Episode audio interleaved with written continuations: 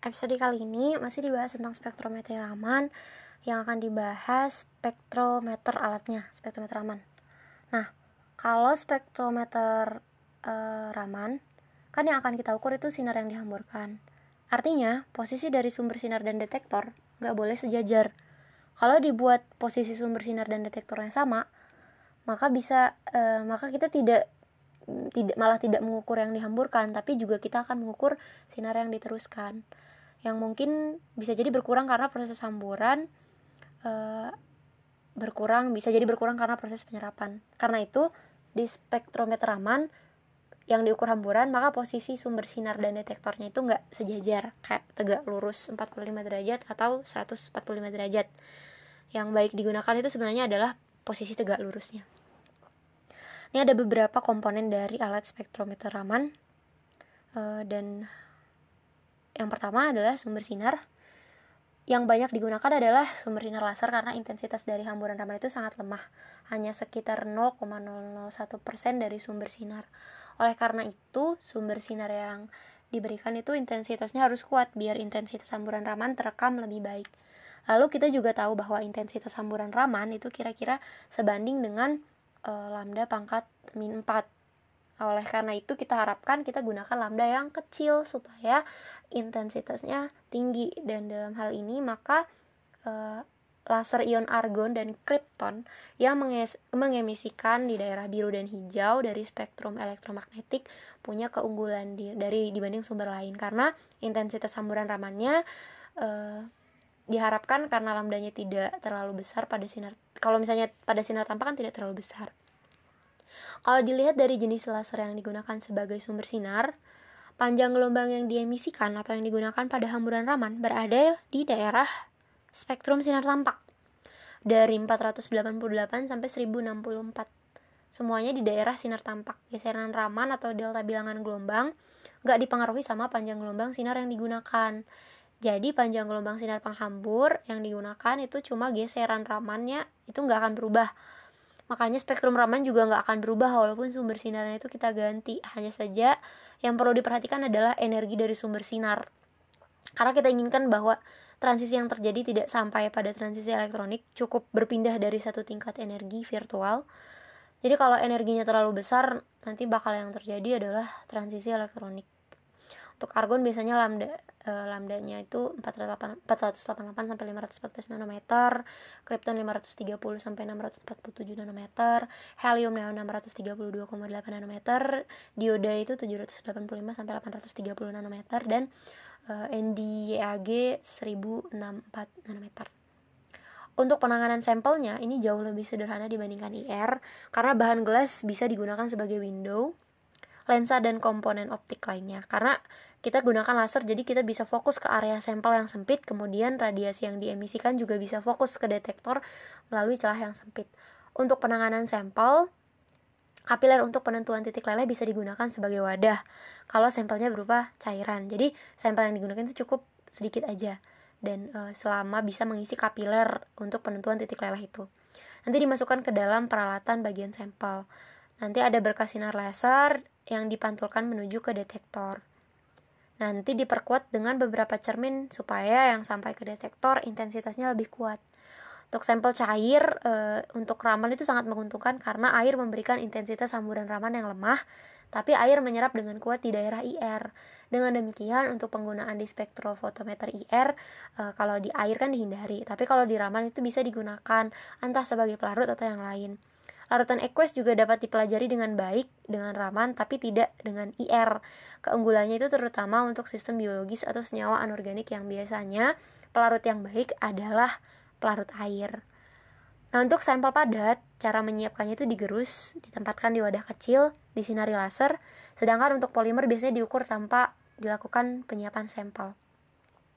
Nah, ini juga ada alat FT Raman atau Fourier Transfer Raman. Kalau FTIR kan ada eh, ada kalau di IR ada FTIR kalau di Raman juga ada FT Raman sistemnya sama hanya kalau di IR sumber sinar dan detektor itu arahnya lurus Sementara kalau di Raman detektornya itu arahnya tegak lurus dengan sumber sinar.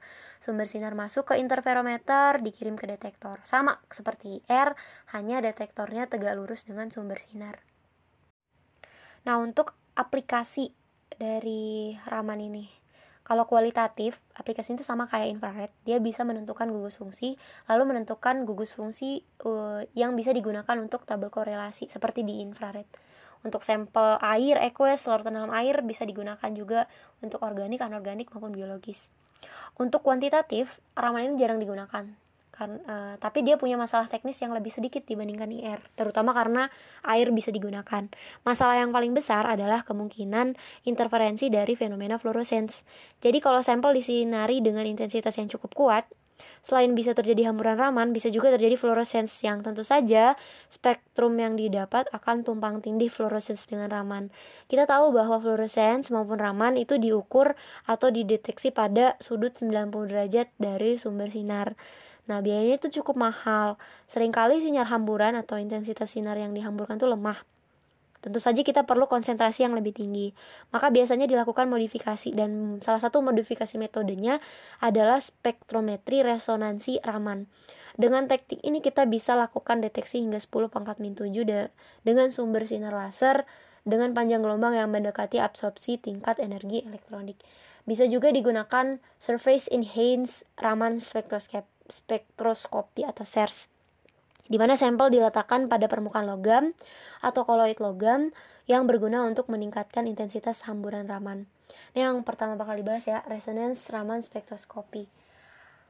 Kalau cara ini intensitas atau garis Raman eh, diperkuat dengan mengeksitasi sampel atau analit dengan sumber sinar yang punya panjang gelombang yang sangat dekat dengan puncak absorpsi atau puncak serapan elektrolit analit elektronik analit.